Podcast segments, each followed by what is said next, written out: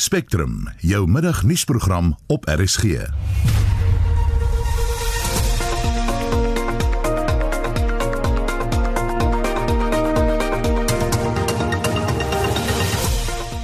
die program Gesondheidskenners sê hy verwag nie dat president Cyril Ramaphosa vanaand 'n hernieude streng staat van inperking gaan aankondig nie. I think they're just too too heavy for the country at the moment and for the economy and we, we basically can't interrupt the economy anymore. Die regering raai mense aan wat na die buiteland wil reis vir die feestyd om hulle planne te heroorweeg. If the country you visit is a high risk one, consider postponing your visit or proceeding with caution if travel is unavoidable. Eskom het die afgelope naweek weer beurtkrag ingestel. Ons vind uit of die kragverskaffer gereed is vir die feesseisoen en byna die helfte van die land se Protea spesies staan op die rand van uitsterwing. Goeiemiddag, welkom by Spectrum. My naam is Susan Paxton. Bykans 11 minute oor 1 jy luister na Spectrum. President Cyril Ramaphosa sal na verwagting vanaand Suid-Afrikaners toespreek oor die jongste COVID-19 verwikkelinge. Die jongste infeksiesyfer staan op 7999 mense. Baie vrees dat die land weer in 'n strenger vlak van inperking geplaas sal word wat weer eens mense se inkomste sal raak.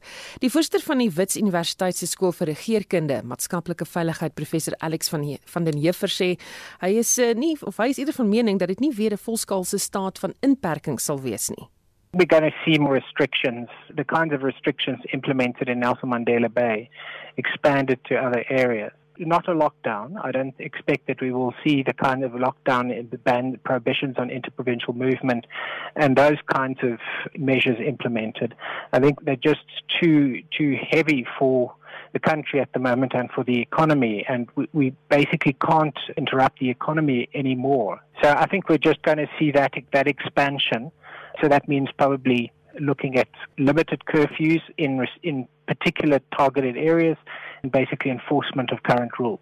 Van die Heever sê die belangrikste is om te verseker dat situasies waar verspreiding kan plaasvind, beheer moet word. What you want, really want to do is to make sure that the super spreading, uh, the context where super spreading is occurring, are being managed.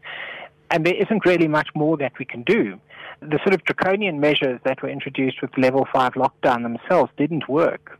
Um, even the prohibitions on interprovincial movement didn't stop interprovincial movement. So on the one hand, you can introduce those measures. You actually end up doing, uh, you, you, don't impact on the epidemic that much, but you, you do impact on many, you create a lot of collateral effects that you can't manage either.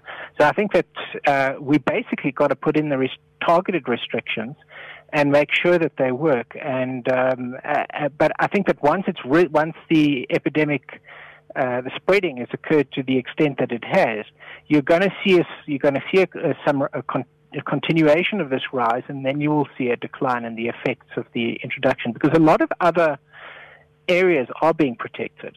Um, people are, although there's this disobedience in these particular contexts, a lot of people are being careful, and so I think that it, you just have to do enough for the sort of general non-pharmaceutical interventions to take effect. Van den Heever is van mening dat om mense te keer om te reis nie noodwendig die verspreiding van die virus gaan stop nie. Uh, that interprovincial movement isn't necessarily going to contain the epidemic. Uh, what will contain the epidemic is is making sure that gather large gatherings in rural areas for instance are also managed. So I think that there was uh, government itself stepped back and got relaxed during this period. Um, as well as many individuals who just thought, ah, it's over. But um, I think we have to see now whether or not this, this reaction from both government and from people now realizing that there's still a, a, a very big residual danger. Um, it, it let it have its effect. But banning interprovincial movement will have collateral effects, but not really prevent much in the way of um, infection. Van den Heever sê verder dat die sluit van strande ook nie noodwendige oplossing is nie. The risk is, is much lower than where the uh, super spreading events have been occurring. um, you are outside, uh, the virus is less likely to spread. It will, it, you know, there's might, somebody might infect somebody standing right next to them, but it's very different from being in an enclosed space where one person who's infected infects everybody in the room. So I, I would say that this is a lot less risky, but where people have collected like that on a beachfront, the question is where are places likely to be where they where they can transmit the virus, like public toilets and things like that, and make sure that those are properly protected. But uh, you know, I don't you know I don't see much benefit from closing beaches. I think you've got to you've got to look at the indoor spaces as your primary target and focus on those. And if we were doing that all along, I think we'd be in a better position now. Dit was die voorsteur van die Wits Universiteit se skool vir regeringskunde maatskaplike veiligheid professor Alex van den Heever. Die toerisme sakekamer sê hy dink nie dat strande gesluit moet word nie. Die bestuurshoof, Chewiwa Chewenga, sê die regering moet alle gebiede op hulle eie evalueer en besluit hoe om die situasie te hanteer eerder as om almal oor dieselfde kam te skeer. I do think that when people travel to the coast, um, part of the experience is going to the beach. And uh, there are also a lot of uh, locals who go to the beach for cultural, you know, tradition or spiritual reasons. And I do believe that when decisions are made, they have to be appropriate for a particular area. If we're saying that there's a problem in KZN, we need to identify specific dates where there are problems and have solutions for those specific dates. If we go and have a blanket approach and say we're going to close out all the beaches, you know, in the coastlines, be it KZN, be it Eastern Cape or, you know, Western Cape, it simply means we're saying to those that are going to be traveling and want to go to the beach, please don't come here, go somewhere else. So that is a problem if we have a blanket approach. We need to have an approach that deals with the problem, you know, at its source. Chivenga sê die regering weet al lankal dat daar dae gaan wees waarop strande uitermate besig gaan wees en daarvoor moes voorsiening gemaak het. We should uh, keep in mind that majority of people who go to the beach uh, on those specific days are people that are coming from, uh, you know, townships, rural areas that do that, you know, once a year. So if we have people that do that once a year or twice a year, and now we're going to be closing off, you know, what are the alternatives that we're offering, you know, uh, you know, the people that live within the area? So I think it's quite important that, you know, it, when a decision is made, we do acknowledge that COVID is here. We do acknowledge that we have a problem with this resurgence. But I do believe that, uh, you know, let's identify specific days that may be a problem and less of a solution for those specific days because the beaches are not full to capacity every day. Besides, people are at least outside. Where are we pushing people to? Are we saying that stay indoor and mingle and drive around and be with other people other than being outside, you know, you know, by the beach and enforce, you know, social distancing? So I think that we need to have, you know, beach management. I mean, we've known that we're going to be having COVID for quite some time. Hy sê dat die toerisme sektor nie nog 'n algehele staat van inperking gaan oorleef nie. We have already seen, particularly in the KZN area, with the rumors of these beach closures, people cancelling their bookings. I've spoken to a lot of group hotel CEOs who have told me that uh, you know they've seen a reversal, you know, on some bookings. So what you're going to find is that you know those properties that are there, especially in the KZN area, Western Cape, along the Garden Route, they're going to suffer. They may decide to retrench more staff or they may decide to close down, which is not good for tourism. We have been talking about recovery, and now we're trying to reverse the recovery that has been said. And the, when the president gave a speech last time, he talked about tourism recovery. He talked about opening international borders. Now we're talking about the reversal. I think we need to deal with the problem where, where it sits. We have a problem with people not wearing masks, social distancing, and sanitizing. All of us in general have that problem. We need to have a campaign that take us back to the beginning of uh, lockdown when we were doing those things, not closing things at the moment. We don't have a room for more closures. En dit was uh, Chihiwa Chivenga, die toerisme sakekamer bestuurshoof. Soos jy vroeër in die nuus gehoor het, die minister van internasionale betrekkinge, Naledi Pandor sê, Suid-Afrikaners wat beplan om na die buiteland te reis gedurende die feestyd, voldoende voorsorg moet tref. Sy waarsku dat lande se grense enige tyd kan sluit en toeriste gestrand sal wees. We equip all South Africans who intend traveling ab- abroad during this season with information that might help them not to find themselves needing to be repatriated because they're stranded. Countries in the Northern Hemisphere are encountering a second wave of the pandemic. South Africans should be cautious in traveling to these countries as you may become distressed or even destitute abroad, depending on the levels of lockdown in the respective countries and with the likelihood of international flights that might be cancelled at short notice. When you arrive at the country you're traveling to, please register with our embassies abroad. Inform your family or next of kin of your destination and the duration of your stay. Ensure that you meet the immigration requirements of the country you wish to visit. Read thoroughly on the country you intend visiting, as the global situation is unstable. If the country you visit is a high risk one, consider postponing your visit or proceeding with caution if travel is unavoidable. En dit was nou Lady Pandor, die minister van internasionale betrekkinge. Die Oos-Kaap is een van die provinsies in die land wat die ergste deurloop onder COVID-19. Ons verslaggewer Veronica Forrie is dikwels in die hartjie van die gebeure in die provinsie en ons praat nou met haar. Goeiemôre Veronica. Goeiemôre Susan. Die nie-regeringsorganisasie Gift of the Givers beweer pasiënte by van die provinsie se gesondheidsfasiliteite sterf in stoele omdat daar nie genoeg hospitaalbeddens is nie. Gaan dit so erg in die provinsie? Dit is maar baie moeilik om daarop te antwoord. Ek weet nie wat hulle gesien het nie, maar ons het nog nie regtig oor sulke gevalle gerapporteer nie. Daar was miskien enkele gevalle, maar die grootste uitdaging is dat mense in gange wag om getoets te word, want hulle kan geen behandeling kry voordat hulle getoets is vir die COVID-19 uh, virus nie en of hulle positief daarvoor is nie dit hang natuurlik alles af waar hulle opgeneem sal word en watter tipe behandeling hulle kry. So dit veroorsaak 'n groot oponthoud van mense wat in gange sit of lê ehm um, wat dalk siek voel of so aan maar van mense wat sterf in die gange het ons nog nie self oor gerapporteer nie. Wat is die inwoners in die gebiede se reaksie op die pandemie? Gee hulle hoegenaamd om oor die inperkingsmaatreëls wat ingestel is? Weet jy dit is regtig ontstellend om te sien hoe mense regtig waar ek praat nou van die meerderheid. Daar is natuurlik ook baie mense wat wat uh gehoor gee daaraan wat dit selfs 'n bietjie te ver vat, maar uh baie mense gee glad nie meer om daaroor nie. Dit is asof hulle uh foos is vir die dra van die masker en die sanitasie vir albei winkels en so aan. En ehm um, vir ons wat nou gereeld in die township kom maar ook in ander an, ander dele van die metro is dit maar sodat mense uh laks raak en nie meer of hulle het die masker aan maar dit sit onder die neus en ons weet tog die meeste kieme word deur die neus, neus ingeasem en so. So mense is nie meer so um paraat soos wat hulle tevore was nie om mens sien definitief 'n toename in die laksheid. En dit dit maak 'n mens baie bekommerd want jou eie veiligheid is ook in die gedrang. Dit is maar lastig om 'n masker te dra en te saniteer. As 'n mens by 'n plek ingaan dan word dit gedoen en vir ons wat byvoorbeeld baie by by die hof kom jy moet elke keer as jy ingaan moet jy gesaniteer eh, moet jou hande gesaniteer word.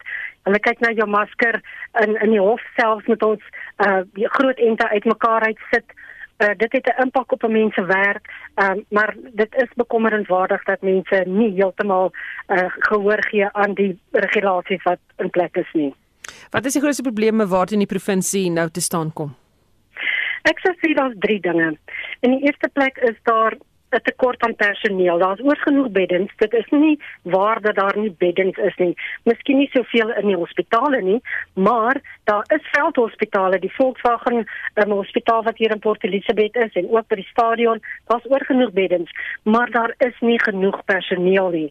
En met die statistieke wat ons juist die naweek gekry het, toon dat baie dat daar 'n groot toename is in sterftes van ehm um, mense wat in die mediese veld werk veral verpleegsters en dis die mense wat op die grond werk met hierdie siek mense. Dit so dit is 'n een groot probleem en dan is die volgende ene 'n toeloop vir mense wat moet getoets word. Uh, Daar's geweldig baie mense wat in rye staan om getoets te word en ehm um, dit vat nou maar 'n tydjie en dit is ongemaklik. Ehm um, maar daarom wil party mense dan nou nie gaan toets nie omdat hulle weet hulle moet lank in 'n ry staan. So of of wag in hulle motors. Uh so dit is 'n is 'n groot probleem of mense wat nie wil gaan toets nie. En dan sou ek sê derdens is die groot probleem die opvoeding van mense. Dit is 'n geweldige taak om 'n massa mense, om 'n volk, om 'n wêreld, die die wêreld se mense op te voed ten opsigte van so iets en om om gebruike te verander soos 'n masker te dra, die sanitering en om ehm um, afstande te handhaaf tussen mekaar. Dit is 'n groot taak om dit regtig waar suksesvol um, te doen en dat mense daar aan um, aandag gee en om dit en, en dan sou ek ook bysit die polisieering want dit is net nie moontlik om elke mens die hele tyd te polisieer nie. En wanneer mense in 'n massa is het ons nou al dikwels gesien dan is hulle meer geneig om as ek nou sê losbandig dan bedoel ek nou om nie maskers te dra nie of om naby mekaar te wees of jy weet in 'n groep ehm um, op te tree, dan dan is daar nie brieke nie. Ja. Eh, sê vir my Veronica, jy daaraan geraak, jy word gereeld uitgestuur na hierdie stories oor die pandemie. Ehm um, jy's midde van alles wat gebeur. Is jy ooit bang? Hoe beïnvloed dit jou? Ja, weet jy dit maak 'n mens bang. Mense is angstig want nie net ehm um, oor oor die omvang van die storie nie. Dit is uh COVID is soos ons nou maar altyd praat in die journalistiek, ons moet die storie doen. Ons het 'n opvoedingstaak, ons moet deur die stories wat ons doen, mense opvoed, ons moet die prentjie weergee van hoe dit regtig gaan. Ehm um, en dit maak 'n mens bang as jy regtig waar in die soos ons nou praat in die hotspot veral in die metro wat nou ook 'n uh, brandpunt verklaar is, as jy regtig sien hoe laks mense is en hoe gevaarlik mense dinge doen, dan maak dit jou regtig waar bang want jy weet daar gaan nie 'n einde wees hier aan as mense nie hulle uh, gewoontes verander nie. En dit maak ook dat 'n mens voel ehm um, ag dis hopeloos. Wanneer gaan dit ooit einde kry? Sal dit ooit einde kry? Sal daar ooit weer normaliteit kom want ons sien dit. Ons beweeg dalk in 'n uh, breër velde as wat die gemiddelde mens doen en uh, dit maak 'n mens regtig waar uh, baie bang. Dit maak dat jy ehm um, jy wil eintlik wegbly daar, maar jy het nie keuse nie. Jy moet gaan jy met die storie gaan vertel. En aan die ander kant voel jy jy wil daar wees want jy moet sien wat gaan aan. Jy moet die prentjie weer gee. En dit is 'n groot gevaar, jy weet, dit is 'n mens is maar bekommerd die hele tyd.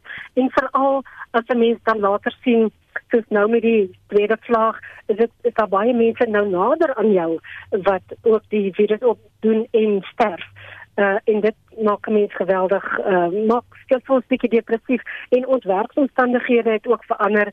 Party daar met ons ingaan kantoor toe, ander daar met ons in die veld werk en ander daar met jy by die huis werk. Dit bring ook 'n bietjie onsekerheid mee. Baie dankie. Dit was ons verslaggewer in die Oos-Kaap Veronica Fourie. Beerdkrag is weer Saterdag uh, toegepas en luisteraars wonder hoe die kragsituasie oor die feesseisoen daarna gaan uitsien. Vir meer besonderhede praat ons nou met die bedryfshoof van Eskom Jan Oberonse. Goeiemôre Jan. Susan van dit. Met my gaan dit goed, uh, maar uh, wat het die naweek se beerdkrag veroorsaak? Susan, uh, ons moes ongelukkig Saterdag beerdkrag implementeer omrede ons noodreserve, veral ons damme baie laag was. So Jy weet aan die begin van die jaar het ons gesê ons sit met 'n stelsel wat vir baie lank nie onderhou het nie. Uh, en ons moet hom begin onderhou. So dis presies wat ons doen. En uh, so so ek en jy vandag hier praat is amper 17%, 16.9% van ons kapasiteit is uit op uh, onderhoud.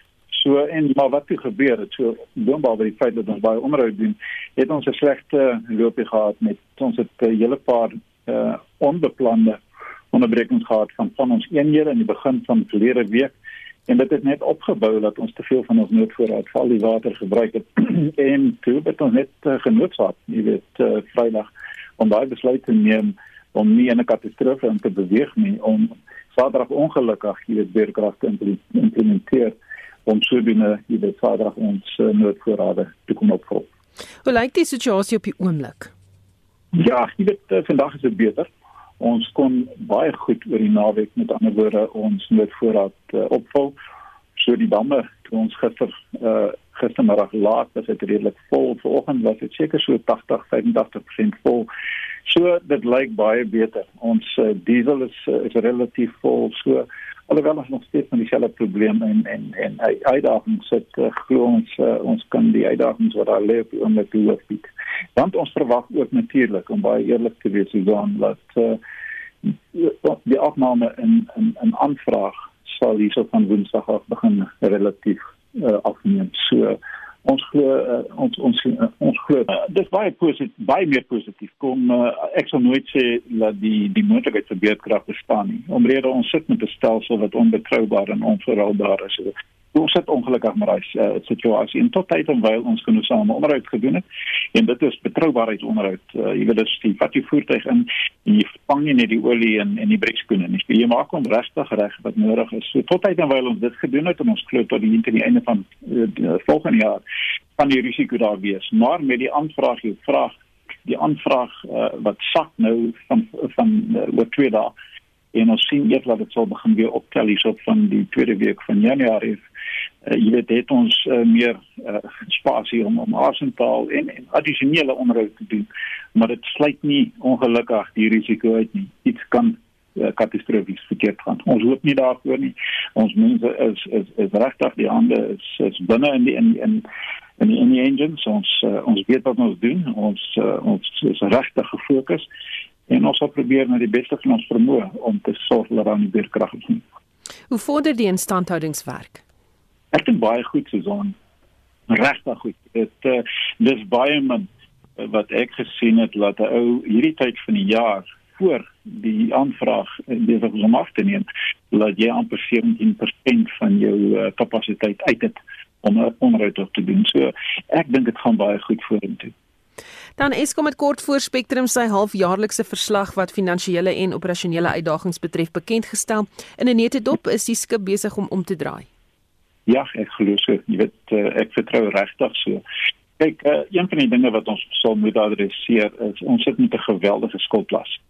Jy weet jy met uh, amper 500 miljard se skuld uh, skuld sit. Jy weet Uh, dis dis ongelooflik hoe veel dit geld. So ons sal moet kyk na koste-effektiewe uh, tariewe. Uh, dit is ongelukkig waarna ons sal moet kyk. Maar as jy vir my vra in terme van die operasionele gedeelte, ja, baie positiewe vordering in terme van finansiëel en terme om te kyk na die doeltreffendheid van van ons ons besigheid bestuur. Absoluut. Jy weet ek is ek is baie baie baie um, positief daaroor. En ons sit nou met 'n uh, uh, uitvoerende hoof, Andre de Ruyter wat ek glo die nodige leierskap gee en uh, so definitief uh, daar's 'n positiewe verbetering. Baie dankie en dit was Eskom se bedryfshoof Jan Oberholse wat met ons gepraat het oor die jongste by Eskom. Spectrum, jou middagnuusprogram op RSG.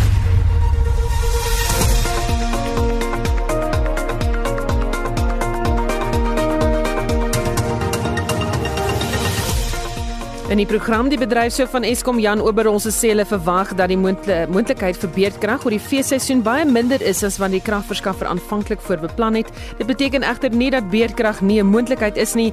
Hy sê verder dat hulle baie goeie vordering maak wat die instandhoudingswerk by die kragaanlegte betref. Die Amerikaanse regering het 'n nuwe kaart van Marokko aanvaar as die amptelike kaart. Ons kyk na wat dit beteken en waarom dit gebeur het. Mediese fondslede betaal al meer uit hulle sakke vir gesondheidsorg en byna die helfte van die land se Protea spesies kan uitsterf. Bly ingeskakel. Daar is geen verkeer. Gauteng staan 'n voertuig op die N1 suid net na die Brakfontein wisselaar is in die linkerbaan. Kaapstad staan 'n vragmotor op die N1 stad uit by Okavango weg en dit is jou verkeersnuus. Shaun Justus aangereed met vanmiddag se sporthoogtepunte. Ons begin die verslag met rugby nuus. Die groepe vir die 2023 Wêreldbeker toernooi in Frankryk word vandag bekend gemaak. Suid-Afrika, Engeland, Nieu-Seeland en Wales is die vier topgekeerde spanne, terwyl die gasheere, Australië, Ierland en Japan in die tweede pot is. Die Springbokke is die verdedigende kampioene nadat hulle Engeland verlede jaar in Japan met 32-12 afgeronsel het. Suid-Afrika gaan beide hulle 2021 rugby kampioenskapwedstryde teen die All Blacks in Nieu-Seeland speel, terwyl beide kragmetings teen Australië in Suid-Afrika sal plaasvind. Die twee toetse teen Argentinië is tuis en weg. Die rugby kampioenskappe sal na die Britse en Ierse leeustoer na Suid-Afrika in Julie en Augustus begin. Kriket Kriket Suid-Afrika het aangekondig dat die plaaslike vierdagreeks wedstryd in Centurion tussen die Titans en Dolphins afgelas is nadat 'n speler positief getoets het vir die koronavirus. Die Titans was op 269 vir 9 in hulle eerste beurt. Kriket Suid-Afrika wil geen kanse vat nie met die toetsreeks teen Sri Lanka wat oor minder as 2 weke afslaan. Die onlangse eendagreeks teen Engeland was uitgestel nadat spelers en werkers by die spanhotel positief getoets het vir die virus. En laastens op die golfbaan word die laaste ronde van die Amerikaanse vroue ope vandag voltooi nadat donderstormspel gister onderbreek het. Japan se Akino Shibuno op 4 onder is die voorloper en Suid-Afrika se Ashley Buy is gesamentlik 40ste op 6 oor. Shaun Jooste van RSG Sport.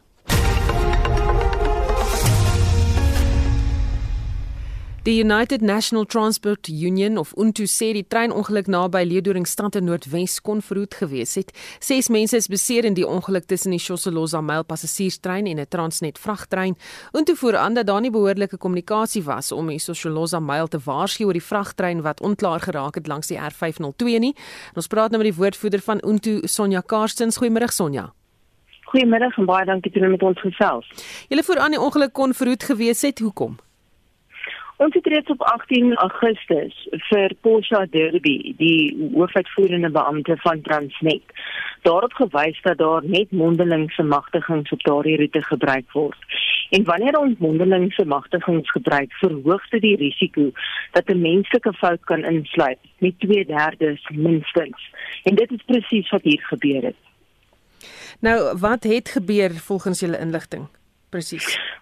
Volgens ons inligting het die die Transnet lokomotief ontdaar drywer moes die sekere waans afhak en hulle na veiligheid neem en dan die terugkeer om hoër blywende waans wat op die roete is dan te gaan aanhak en hulle dan ook na veiligheid te neem. Intussen het iemand vergeet daar is nog onklaar waans wat staan op hierdie roete en die Sosolosa Mailtrein gemagtig om op dieselfde roete te ry en dit is hoe die Sosolosa Mailtrein dan nou agter in die leewaans van Transnet beland het. Wanneer verwag julle sal die ondersoek na die voorval afgehandel wees en wat wil julle hê moet die owerhede doen? Wel ons verwag dat die dat die spoorvervoer reguleerder, die RSR soos ons hom ken, meer moet doen om treinveiligheid ehm um, dit dit is nie maar 'n behoorlike treinveiligheid is. Ons almal weet wat is die risiko's verbonde uitgangs, maar tog uh, hou die RSR aan om sy kop weg te draai en tree hulle nie op nie. Hulle gee eenvoudig net vir die vir die vir die operateur in in in hierdie geval net dan maar daai spesifieke roete is Transnet wat wat daar weet dan wie die spoornetwerk behoort. Gee hulle net eenvoudige waarskuwing om te sê maar julle moenie so onbepaald aanhou nie begin vir die reël geword eerder as die uitsondering omdat die daar soveel vandalisme is van die signaalstelsel en jy kan nooit met mondelingse magtigings kan wegkom sonder dat daar menslike foute insluit nie. So ons verwag dat daar 'n uh, 'n uh, RSR moet kom met optree wanneer die operateurs nie toesien dat signaalstelsels werk nie.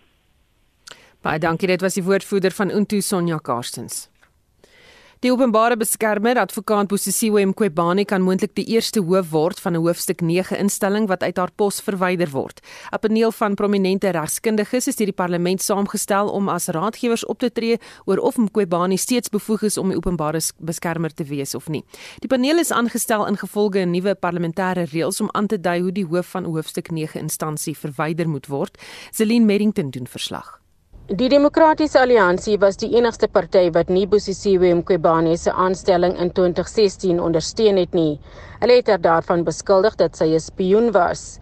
En dit was nie lank voordat hulle aan die spreker van die parlement, Baleka Mbete, geskryf het met die versoek dat Mqobane uit haar pos verwyder moet word as gevolg van verdoemende hofuitsprake teen haar nie. Hulle het die versoek hernie toe die termyn van die 5de parlement verval het. Speaker Tandi Modise het ingestem dat die versoek aandag moet ontvang, maar daar was geen meganisme in plek om dit uit te voer nie. Nuwe reëls is opgestel en ter tafel gelê en so het 'n nuwe proses begin. Ingevolge die reëls het die spreker, afgetrede regter Bessen Kabinde en advokate Dumisa Nsebeza en Johan de Waal aangestel om ondersoek in te stel of daar gronde is vir die verwydering van Mqobane.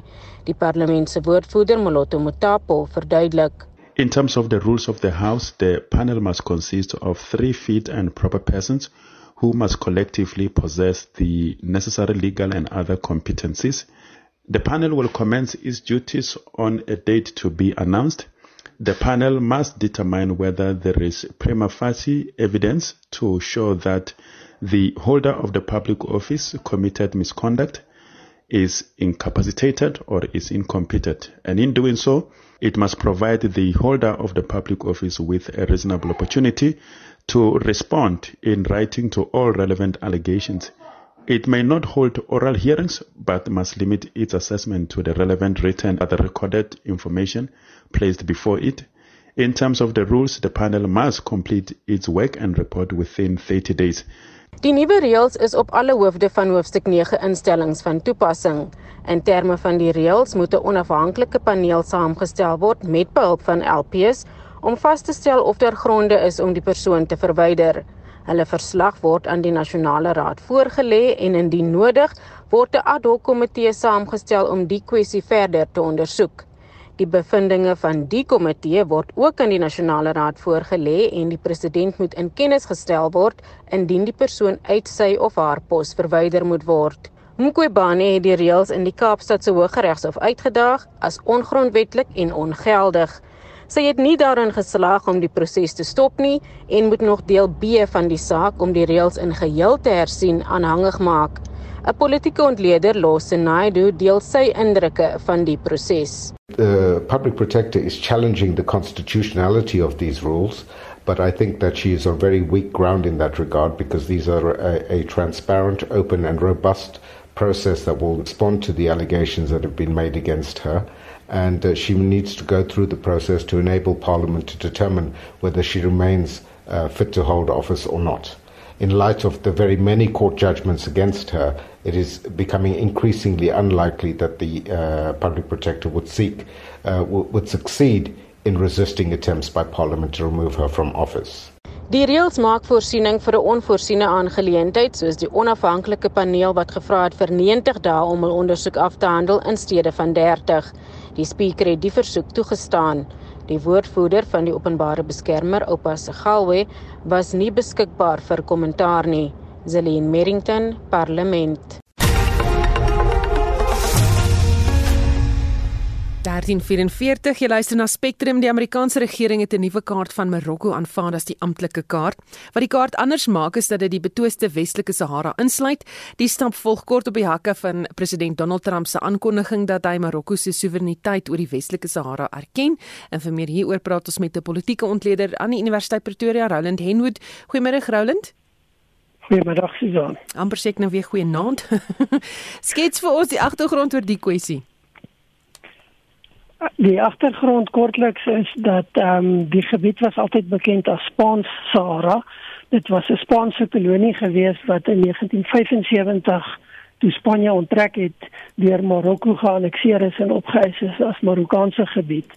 Daarna het 'n konflik ontwikkel, die naam Polisario Front sal dalk vir mense bekend klink, alhoewel hulle baie stil was die afgelope jare en hulle het 'n oorlog basies teen Marokko begin om onafhanklikheid te kry die VN het ingegryp en met 'n skietstilstand beding en daar's 'n 5 jaar oorgangstydperk wat van 2003 af in werking sou tree en dit moes opgevolg word met 'n referendum waar die mense van Wes-Sahara kon stem oor of autonomie onafhanklikheid of inskakel by Marokko met een of ander vorm van autonomie. Nou daai ehm um, referendum het nog nooit plaasgevind. Die Marokko het nog nooit toegelaat dat daai referendum plaasvind nie. So dit kortliks die geskiedenis wat ons gebring het by waar ons vandag is en die FSA wat natuurlik nou Marokko se aansprake erken is die enigste en eerste staat wat dit doen en dit dryf natuurlik lynreg in teen die proses wat die Verenigde Nasies besig is om te probeer dryf. Wat is die proses wat die Verenigde Nasies probeer dryf?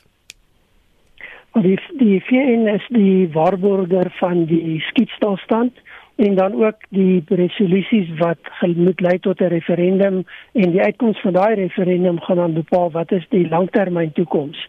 Die feit dat Marokko nie die referendum wil toelaat nie, ehm um, het die proses vertraag, maar dit het nog steeds die proses is nog steeds aan die gang in die sin dat die Polisario front het sy gewapende aktiwiteite opgeskort in 'n poging om te kyk of hulle by hierdie ehm um, blokkade kan verbykom wat wat die referendum moet oplos.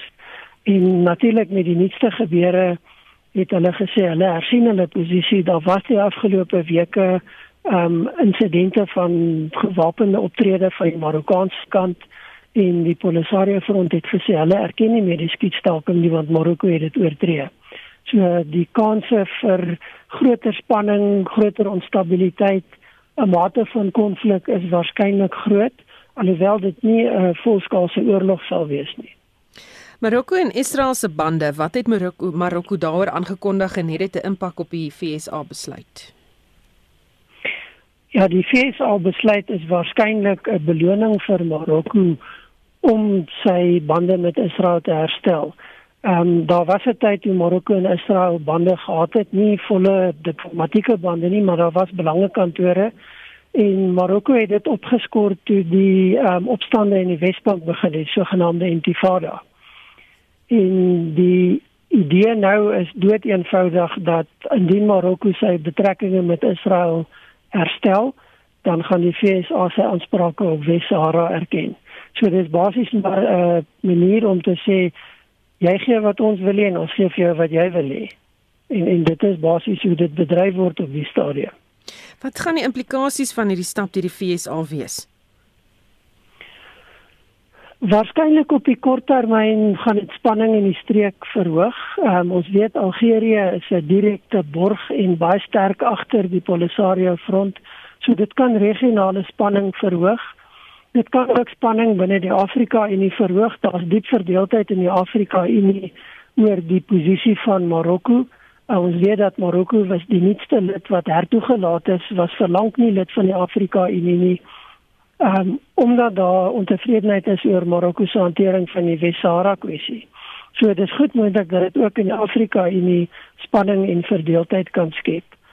Dit natuurlik skep potensieel probleme vir ehm um, president Biden sou hy as president ingesweer word sit hy met hierdie situasie wat hy erf ehm um, wat betrekking met die VN definitief gaan versuur want dit is absoluut ongehoord dat een van die groot rolspelers in die VN so eensydig optree en net eenvoudig alles wat die VN doen en besluit van die tafel afvee.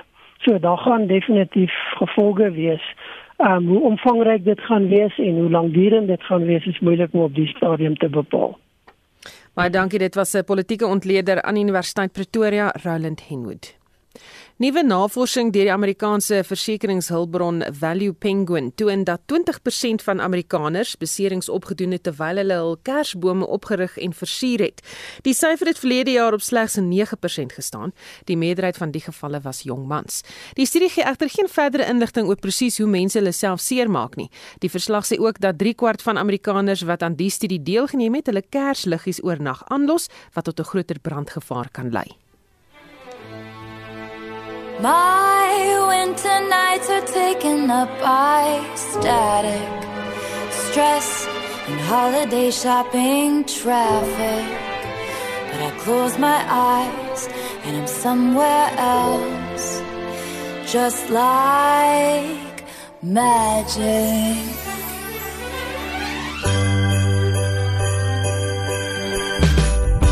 My heart is a Christmas tree farm where the people would come to dance under sparkling lights, bundled up in their mittens and coats, and the cider would flow. And I just wanna be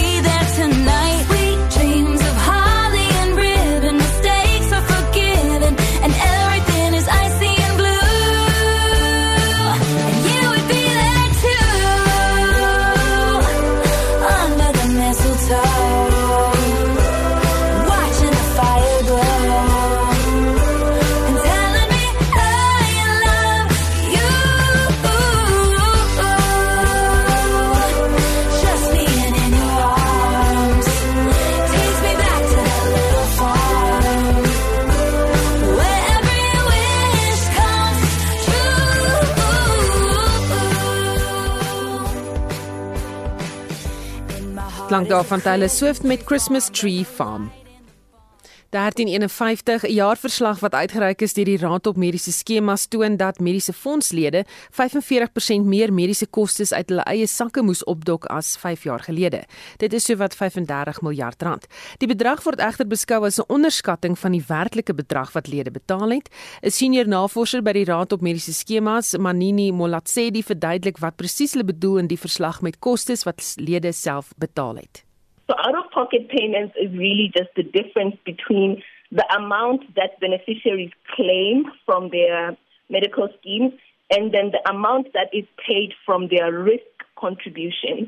That means that what constitutes as out of pocket payment is basically the amount that is paid from your medical aid savings and the amount that you pay over and above that from your own cash or savings. So that is how we define um, out of pocket payments.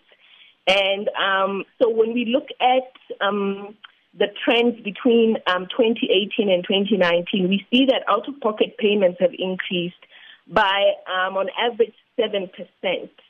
And that the key driver really is the differences in, in benefit designs across options and medical and medical schemes and um, in other cases, non-disclosure of material information by members or even the non-voluntary use of non-DSPs by other members. Molatsedi sê die pakket wat lede kies speel 'n groot rol in hierdie nuwe statistiek. Really what happens is each medical scheme and if you look across different options you'll realize that the, the benefit designs tend to be different. You'll see that some some some options will will cover you more for, say, hospitalization, and then others will cover you more for what we call your day to day expenses, which are like your medicines dispensed and your visit to the GP or the dentist. So these tend to vary.